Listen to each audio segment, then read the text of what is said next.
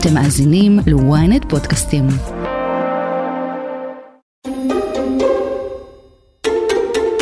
אזרחי ישראל, הכלכלה הישראלית חזקה ויכולה לתמוך את מאמצי המלחמה הצבאיים והאזרחיים ככל שיידרש. אני אומר לכם באחריות, יש לנו כסף ואנחנו נשתמש בו עכשיו לכל מה שצריך וביד רחבה. ההנחיה שלי היא ברורה, לפתוח את הברזים, להזרים כסף לכל מי שזקוק לו. לדאוג לכולם, אנחנו נביס את האויב במלחמה הצבאית, ואנחנו ננצח גם במלחמה הכלכלית. אלה היו האמירות וההבטחות של ראש הממשלה ושר האוצר בתחילת הלחימה לפני כשלושה חודשים. בינתיים הגירעון הצפוי של ישראל עולה והלחימה רק מתמשכת. בתקציב של שנת 2024 כבר אין מנוס מקיצוץ רוחבי ענק. מה מיוחד בעלויות של המלחמה הנוכחית? איזו סכנה כלכלית יש בגירעון כל כך גבוה? ואיך לא חוזרים על הטעות של הכלכלה אחרי מלחמת יום הכיפורים ונמנעים מעשור אבוד? אני שרון קידון, וזאת הכותרת. סבר פלוצקר, פרשננו הכלכלי, מהרגע שפרצה הלחימה בעזה, היא למעשה טרפה את כל התוכניות. כולם נרתמו למאמץ המלחמתי, מהמשק ועד האוצר וגם העורף, אבל זה השלב שבו עדיין לא עושים חשבונות. כמה זה עולה לנו? זה, זה בסדר? אני חושב שלא, ואני חושב שהחשבון כמה זה עולה לנו, ייוודע לכולנו בעוד אה, שנים אחדות. בוודאי לא בעוד אה, כמה חודשים, ובוודאי לא כאשר תקציב הממשלה יאושר בסופו של דבר בכנסת, ב, אני מניח בסוף פברואר, משהו כזה, סביב התאריך הזה. העלויות של המלחמות, וזאת אה, מלחמה לא פשוטה במונחים כלכליים, העלות של המלחמות היא מתפרסת על פני שנים רבות מאוד, מלחמות, כל מלחמה, פוגעת בצמיחה, פוגעת ברמת החיים, פוגעת בהשקעות, מעמיסה נטל מאוד כבד על האזרחים והניסיונות של הממשלות להימנע מכך ואיפשהו למצוא איזה פטנטים ו- ופתרונות שהמלחמה לא תורגש על הציבור ואיכשהו נוכל לברוח מזה אולי בדרכים עקיפות בסופו של דבר כל הניסיונות האלה מגיעות לכך שהמחיר הסופי של המלחמות הוא הרבה יותר כבד מאשר תחת ממשלה שיודעת לנהל מההתחלה את הפן הכלכלי שלה בצורה אחראית, זהירה, ואיך לומר את זה מאוד בקצרה, בלי לייפות את התמונה. בכל מלחמה יש הוצאות חריגות, כאן זה היה במיוחד שונה? ומתי צריך כבר להתחיל לקצץ בהוצאות? אני רוצה פה שתי הערות. אחד, מה שמאוד מאפיין את המלחמה הזאת, בתגובתה הציבורית, היא העובדה שיישובים פונו, אזרחים פונו, ויש נזק אזרחי גדול מאוד למלחמה הזאת. זה לא היה במלחמות קודמות של ישראל, חוץ מכמובן מלחמת אה, השחרור, שזה סיפור אחר לגמרי, לא היינו מדינה, נעזוב את זה רגע. המלחמות הקודמות התנהלו בין צבאות. אה, מצרים אה, פלשה פעמיים לחצי סיני, פעם אחת אנחנו פתחנו במלחמה, פעם שנייה היא פלחה במלחמה, היו מלחמות בין צבאות, כמעט ולא היה נזק לפוטנציאל הכלכלי של מדינת ישראל. היו עלויות של מילואים והיו עלויות של קניית רכש צבאי, חלקו קיבלנו במתנות, הרוב הגדול מאוד נאלצנו לשלם תמורתו על פני שנים רבות מאוד בריביות מאוד גבוהות, אבל איך שלא יהיה, לא הייתה פגיעה בהון האנושי ובהון הפיזי של מדינת ישראל, בתשתיות לא הייתה פגיעה, במבנים לא הייתה פגיעה, כך שהעלות האזרחית הייתה יחסית נמוכה. יתרה מזו, גם לא היה לנו אתוס שיש לנו היום של פיצויים ושל אה, מענקים ושל סיוע ושל עזרה וכולי וכולי. אנחנו היום מדינה מאוד מפותחת, אנחנו מדינת רווחה לכל צורך ועניין, וזה רק טבעי שהציבור גם רוצה מן המדינה ומצפה מן המדינה שהיא תמצא דרך גם לפצות אותו וגם לעזור לו וגם לסייע לו, מה ששוב לא היה בשתי המלחמות הקודמות הגדולות וגם לא במלחמת לבנון למען האמת, לא הראשונה ואפילו לא השנייה, כך שהעלויות של המלחמה הנוכחית תהיינה בסופו של דבר הרבה יותר גדולות. היה צריך לפחות חודש מאותה השבת הארורה צריך היה להתחיל להתיישב ולעשות תוכנית כלכלית כמה ושנים, לא לשנה, לא לשנתיים, פחות לשלוש, ארבע שנים, ולהציג אותה באומץ לב לציבור. עשו את זה כמה וכמה מכוני מחקר פרטיים, לא ממשלתיים, עשה את זה הבינתחומי, האוניברסיטת רייכמן עשתה את זה, מכון אהרון שם עשו את זה, גופים אחרים, בנק ישראל עשה את זה, מי שלא עשה את זה היה משרד האוצר, מי שלא עשה את זה היה אגף התקציבים, מי שלא עשה את זה הייתה הממשלה. זה לקח לה הרבה מאוד זמן עד שתוכנית לתקציב לשנה אחת גובשה ואולי תצא אל הפועל. לגבי 2025 אנחנו לא יודעים כלום, ומעבר לכך בכלל נראה שהממשלה לא מתעניינת אחרי המבול. וזה מחזיר אותי לתקופה האפלה, אולי האפלה ביותר בתולדות כלכלת ישראל, בשנים 1977 אה, עד 1985-86, אה, אותו העשור, העשור האבוד של המשק הישראלי, שעליו נדבר בהמשך. אני רוצה לשאול אותך על האמירות של נתניהו וסמוטריץ', ששניהם אומרים בכמה מסיבות עיתונאים, יש כסף לכולם. הם אחר כך אומרים, התייחסנו לתקציב 2023. האם זה גם היה נכון לשעתו? זה לא נכון אף פעם. זה לא נכון לא לשעתו ולא לשעתם ולא לשעתנו. זה לא נכון אף פעם, זה מזכיר לי באמת את המדיניות הכלכלית המופקרת, שאז לא נקראה יש כסף לכולם, אלא אז הכותרת שלה הייתה להיטיב עם העם. שהתחיל איתה אה, מנחם בגין המנוח כראש הממשלה ב-1977 אחרי המהפך הפוליטי ואחריו בא גם המהפך הכלכלי שהוא בעצם היה הסיבה לעשור האבוד כשנקודת המוצא הייתה שלמרות שיש לנו באמת הוצאות ביטחון עדיין היו אז גבוהות מאוד גם במונחים של היום, בוודאי במונחים של אז, נטל מאוד מאוד כבד, באו ואמרו אנחנו צריכים להיטיב עם העם, זה אומר לפתוח את ברזי התקציב, זה אומר, כמו שאמר ראש הממשלה ו- ושר האוצר שלו, יש כסף לכולם, יהיה טוב, אנחנו נשפר, רמת החיים תעלה, צריך להתמודד עם המציאות היה צריך אז וצריך היום. כשיש מלחמה רמת החיים יורדת. אין שום דרך אחרת לעשות את זה. אמר את זה הנגיד במשפט מאוד פשוט, אין ארוחות חינם, אין ביטחון חינם. אנחנו רוצים קודם כל להגן על עצמנו, אחר כך לבנות מחדש את היכולות הביטחוניות שלנו, את זה אפשר לעשות בעיקר, לא רק, אבל בעיקר על ידי ירידה ברמת החיים של הציבור הרחב. זה צריך להיות צודק, זה צריך להיות פרוגרסיבי, זה צריך לפגוע הכי מעט בחלשים והכי הרבה בחזקים, אבל אין דרך אחרת. לא יהיה כסף לכולם, ואסור שיהיה כסף לכולם, כי אז מתחיל להדפיס כסף, והתוצאה של הדפסת כסף, אנחנו כבר זוכרים, אתם לא, אתם צעירים, אבל אני זוכר אותה היטב משנות ההיפר-אינפלציה הנוראית בישראל. כשאנחנו מדברים על קיצוץ פלט, מה שנקרא קיצוץ טיפש, שבו מקצצים בכל המשרדים באותו אחוז קיצוץ, זה מה שעושים עכשיו בתקציב 2024, האם זה נכון, האם זה חכם?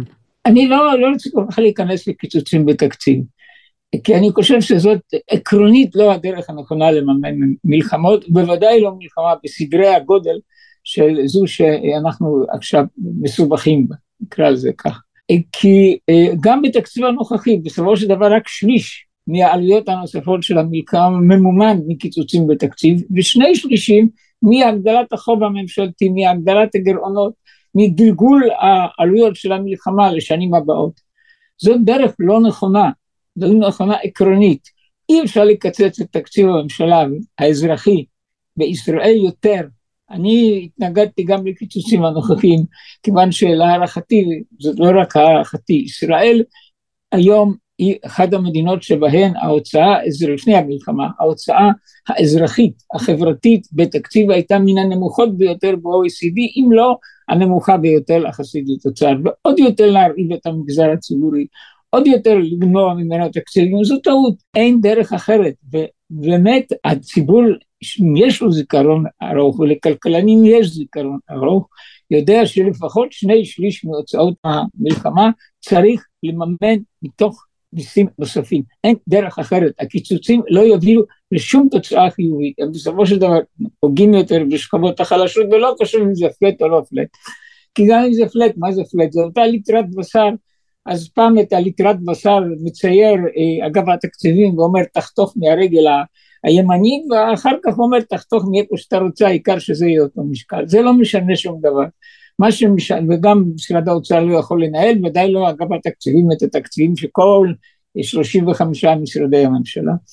מה שצריך היה לעשות ולדעתי לא נעשה זה לדבר אמת לציבור, לומר לציבור, יצאנו למלחמה, זו מלחמה צודקת, זו מלחמת אין ברירה, זה יעלה לנו כך וכך, ואת זה אנחנו נוכל לקחת את הרוב, שני שליש, חצי לפחות, נצטרך לקחת מרמת החיים של האזרחים לכמה שנים טובות, להדק את החגורה. וזה לא נעשה, ולכן הפרטים של התקציב הם באמת מעניינים, אבל בסופו של דבר מה שהכשיל את המדיניות הכלכלית ומה שגרר אותנו ב-85 לצו פשיטת רגל של מדינה כמדינה, זו הייתה המדיניות של להיטיב עם העם, המדיניות של לא לעלות מיסים, המדיניות של לתת כסף לחלק לכולם עם קצת גזירות תקציביות, בסדר, את הגזירות האלה עברנו. לעומת זאת התקרבנו כפסע מתהום שהיינו נופלים אליה ואני לא בטוח שהיינו יכולים להשתקם. מה הסכנה בהעמקת הגירעון? העמקת הגירעון, את הגירעון צריך לממן, זה לא העמקת הגירעון זו מילה יפה, אבל אם את אה, מוציאה יותר כסף ממה שאת מקבלת, אז את יוצרת גירעון. את הגירעון הזה צריך לממן, מישהו צריך לשלם תמורתו. אז איך משלמים תמורתו? לוקחים חובות, ממשלה לוקחת חובות, היא לוקחת חובות מאזרחיה שלה, או שהיא לוקחת חובות מאזרחי חוץ, שזה כמובן הרבה יותר מסוכן, אבל כשאתה קונה לפעמים נשק, אתה צריך לקחת חובות, אתה צריך להסתבך בחובות. אנחנו התחלנו את זה מיחס חוב תוצר טוב, טוב מאוד אפילו הייתי אומר, קרוב ל-60 אחוזים מהתוצר המקומי, חוב של הממשלה, זה מאוד לא גבוה במונחים בינלאומיים, אבל אם אנחנו נגיע שוב ל-70 ול-80 ולהערכתי אם המדיניות הזאת תימשך, אני קורא לה מדיניות מופקרת, אם היא תימשך אנחנו נגיע לזה, אז מישהו צריך לשלם עבור החובות האלה, הריבית נעשית יותר גבוהה, החלק של החזר חובות בתקציב הממשלה נעשה הרבה יותר כבד, אז נכנסים למעגל המחושב הזה של צמצומים תקציביים עוד יותר גדולים וחורים עוד יותר גדולים. מדינת ישראל בעשרים השנים האחרונות כמעט המוטו שלה הייתי אומר הקו העליון של מדיניות התקציבית היה להקטין את החובות של המדינה ושל הממשלה. ואת זה הצלחנו לעשות במאמץ אדיר ירדנו מ-100% ל-60 אחוזים. אם אנחנו הולכים עכשיו בדרך חזרה, אני רואה בכך מכה מאוד קשה לכלכלה וגם לאזרחים. ככל שעתיד הכלכלה שלנו נמצא בערפל עקב עלויות המלחמה, הדוגמאות מההיסטוריה נמצאות כאן כדי להוכיח שבסוף נצליח לצאת מהמשבר. אז מה אפשר לעשות כדי להימנע מעשור כלכלי אבוד שיחל כבר ב-2024? כבר נמשיך עם זה, אבל קודם אנחנו מזכירים לכם לעקוב אחרינו באפל, לעשות פולו בספוטיפיי ולהצטרף לקהילת הכותרת. אחרי מלחמת יום הכיפורים, כפי שהזכרנו, הגיעה תקופה בשם העשור האבוד, אז קודם כל בוא נסביר מהו העשור האבוד. זה מלחמת יום הכיפורים כשלעצמה, שוב אני חוזר לאותו דבר שאמרתי כבר כמה פעמים, המלחמה כשלעצמה הייתה מלחמה יקרה, הוצאות הביטחון קפצו כמעט ל-35% מהתוצר, היום אולי, אני מקווה שזה לא יקרה, אבל בשיא יכולות להגיע ל-15% מהתוצר המקומי, 12%, כלומר האחוזים היו הרבה יותר גבוהים, המשק היה הרבה יותר חלש, כלכלת ישראל אז הייתה אולי שליש מכלכלת ישראל היום, עוצמתה, רמת החיים הייתה הרבה יותר נמוכה, והנטל הזה היה נטל מאוד מאוד כבד. אבל מיד אחרי המלחמה, בשלוש השנים הראשונות, בין 1974 ל-1977, הייתה ממשלה מאוד אחראית בראשותו של יצחק רבין המנוח, אבל בעיקר בפעילותו של שר האוצר שהיום אף אחד לא זוכר את שמו, יהושע רבינוביץ'. רבינוביץ' באמת היה שר אוצר יוצא מן הכלל והוא הצליח כבר לייצב את הכלכלה לא סופית, עדיין הייתה, היה ביטחון מאוד כבד, עדיין היו גירעונות יחסית לא קטנים, פחות או יותר סביב עשרה אחוזים מהתוצר, אבל איכשהו כבר ראינו את האור בקצה המנהרה. ואז קרה המהפך הפוליטי, ואחריו המהפך הכלכלי. בא אה, שר אוצר שבאמת היה ככל הנראה הגרוע בספרי האוצר של מדינת ישראל, ובוודאי האסוני ביותר, אה, ושמו ארליך, שמחה ארליך, ויש דבר שאני זוכר אותו עד היום, אני זוכר את השידור שלו ואחר כך גם של מנחם בגין ביום שישי אחר הצהריים בסתיו, נדמה לי זה הייתה אמצע אוקטובר 1977, כשהם מודיעים out of the blue לגמרי, שישראל תהיה עוד מעט שווייץ של המזרח התיכון. שווייץ של המזרח התיכון, לא יהיה יותר פיקוח על מטבע חוץ, כל כסף שאתה רוצה להמיר משקלים לדולרים, מלירות לדולרים, אתה יכול לעשות, מבטלים איזה שהן מגבלות לא רק על מטבע חוץ, אבל גם על אשראי וגם על פיקוח רגולציה של שוקי ההון, אנחנו נהיה ודוז, ודוז הייתה אז, עוד עדיין ישנה נסיכות אה, באירופה שכל החברות, אה, כל ההון השחור היה רשום בה, היום כבר לא, אנחנו נהיה שווייץ ודוז של המזרח התיכון. זה, אני חושב שככלכלן זה נפל עליי כמו רעם ביום בהיר, בכלל לא הבנתי מה קורה פה. איך מדינה שיש לה עדיין הוצאות ביטחון כל כך גדולות, שיש לה חובות במטבע חוץ כל כך גדולים, שיש לה גירעון במאזן התשלומים, זאת אומרת היא מייבאת הרבה יותר ממה שהיא מייצאת, איך היא יכולה להרשות לעצמה דבר כזה? ואכן זה היה השורש של העשור האבוד. ומה שקרה תוך פרק זמן מאוד לא ארוך, כאשר הממשלה מצד אחד כל הזמן מגדילה את הגירעונות, כל הזמן מבטיחה שהיא תיטיב את העם, ומגלגלת ומגלגלת על עלויות הביטחון קדימה, מתוך תקווה שהן איכשהו ייעלמו מעצמן, הן לא נעלמות, גרוע מזה. ב-1982 הממשלה הזאת מחליטה לצאת למלחמה נוספת. Lebanon invasion was the first time the Israelis went to war without their very existence being threatened. Mounted a blitzkrieg whose objective was destruction of PLO bases in southern Lebanon. למלחמה נוספת, מלחמת לבנון הראשונה שהיא אולי המיותרת ביותר במלחמות ישראל ובוודאי הארוכה ביותר, היא מסתיימת בשנת 2000, אל נשכח את זה. ומוסיפה עוד פעם מחדש מעמיסה על הוצאות הביטחון ושוב עושה את זה בלי להסביר לאזרחים של מלחמה כזאת שהיא כבר מלחמה לא כמו מלחמת יום הכיפורים, משהו שיגמר בצ'יקלה שיימשך שנים ואנחנו נשלוט בלבנון שנים, שגם לזה יש הוצאות ועלויות מאוד כבדות. וכך מתחוללת לנגד עינינו התקופה האפלה והשחורה ביותר במשק הישראלי, שסופה, אם אני מסתכל היום על שנת 1985, התחלתה של 85, סופה של 84, שמוקמת ממשלת אחדות לאומית, כי כבר אין יותר ברירה, אנחנו מגיעים לאינפלציה שהיא בחודש אחד 15 אחוזים, לא בשנה, לא בשנתיים, בחודש אחד, אנחנו מגיעים לקצב שנתי של 450 אחוזים, אנחנו המדינה שיש בה את האינפלציה המהירה ביותר בעולם כולו, לא רק בעולם המערבי. באה לכאן משלחת, ואני זוכר כי נפגשתי איתה, משלחת של הקונגרס האמריקאי, והם אומרים בפה מלא, אתם נמצאים על סף פשיטת רגל כמדינה, ואנחנו האמריקאים לא נציל אתכם. לא נציל אתכם כי אתם מנהלים מדיניות כלכלית גרועה מאוד, אנחנו לא נציל אתכם, ניסע הביתה, אנחנו נמליץ לא להציל אתכם. בסוף החוברת הזאת שאני מחזיק אותה גם היום על שולחן עבודתי, למרות שעברו כבר אילו שנים, זה 84, אני חושב חורף 84, זה עדיין מפחיד לקרוא את זה. וכל זה תוצאה של מדיניות כלכלית שגויה מן היסוד, שב...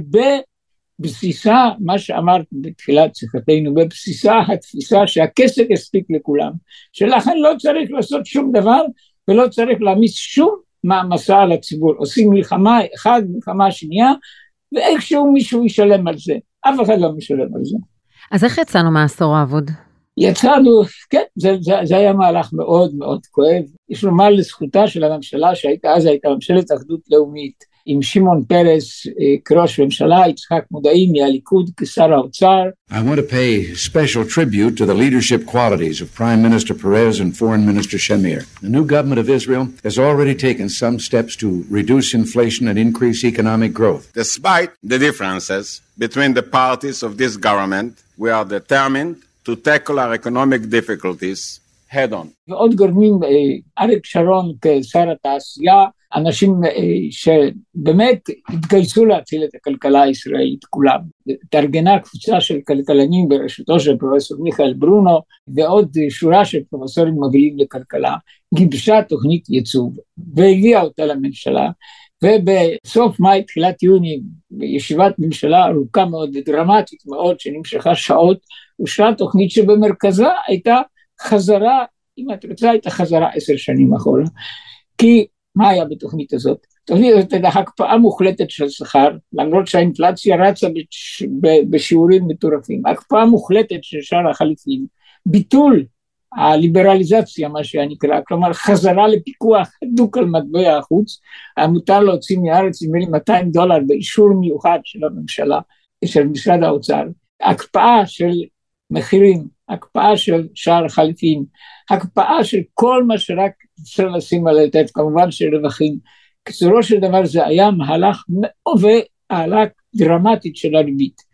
כל זה פגע קשה מאוד ברמת החיים, בשכר הריאלי. אם באמת המחיר ששולם עבור העשור האבוד בשנתיים 85 ו-86 היה מאוד כבד, אבל המשק הישראלי ניצל.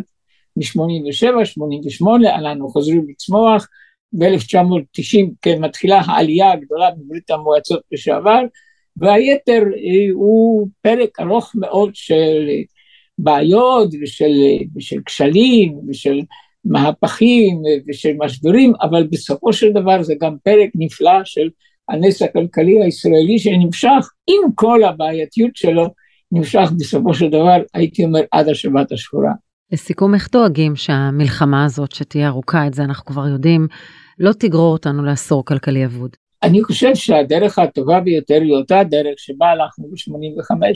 הדרך היא לגייס את מיטב המוחות הכלכליים של מדינת ישראל, ויש לנו מוחות כלכליים יוצאים מן הכלל, לא בממשלה, מחוץ לממשלה, לבקש מהם לעשות תוכנית כלכלית לחמש-שש שנים, ולהוציא אותה אל הפועל. זה לא כזה מסובך, אני, אני לא מתיימר להגיד כרגע מה בדיוק צריך לעשות, איזה מיסים להעלות, איזה מיסים לא להעלות, איך, איך לחלק את, את, את עלות המלחמה בין מיסים לבין, אה, לבין קיצוצים, לבין אה, מימון באמצעות אה, הגדלת חובות. יש כלכלנים באמת כולם ראויים לפרסי נובל וגם כלכלנים יהודים מובילים בעולם אגב, אז גייסנו את אה, סטנדי פישר, שהיה אז אזרח אמריקאי, ופרופסור לכלכלה כמובן, וגייסנו אותו גם, הוא היה אחד היועצים שעזרו בגיבוש אותה התוכנית הכלכלית של 85. זה מה שצריך לעשות היום, ולהזיז הצידה את כל השיקולים הקואליציוניים, ואת כל השיקולים הפוליטיים, ואת כל השיקולים המפלגתיים, ושיקולים אלקטורליים, שהם כבר היום נכנסים לתוך התמונה הזאת, בדיוק כמו שנכנסו ב-1900 בשנות ה-80. בדיוק אותם הנימוקים האלקטורליים להיטיב עם העם, ואין לי ספק שמי שמדבר היום על כך שיש כסף לכולם, מסתכל אל בסיס הבוחרים שלו. לכן זאת הדרך היחידה. אני לא רואה דרך אחרת, אם זה לא יקרה, אני איש אופטימי, הייתי כלכלן אופטימי, אני אתחיל להיות כלכלן מאוד מאוד מודאג. סבר פלוטקר, תודה רבה לך על השיחה. תודה רבה לכם. ועד כאן הכותרת להפעם. אם עדיין לא נרשמתם לעקוב אחרינו באפל או בספוטיפיי, כדאי לכם. אתם מוזמנים לדרג אותנו, להגיב לנו, נשמח לקרוא. את הכותרת אפשר למצוא גם באתר ynet או באפליקציה בנייד או ברכב. אם הגעתם עד פה, אתם מוזמנים להאזין לפרק נוסף שלנו על תחום נוסף שהזנחנו מאז 7 באוקטובר. חפשו את הפרק "הפשיעה לא נעלמה, רק עברה למצב מלחמה". תחקיר הפקה ועריכה, גיא סלם ועדן דוידוב, סאונד ומיקס, עמרי זינגר. אני שרון קידון, שמרו על עצמכם.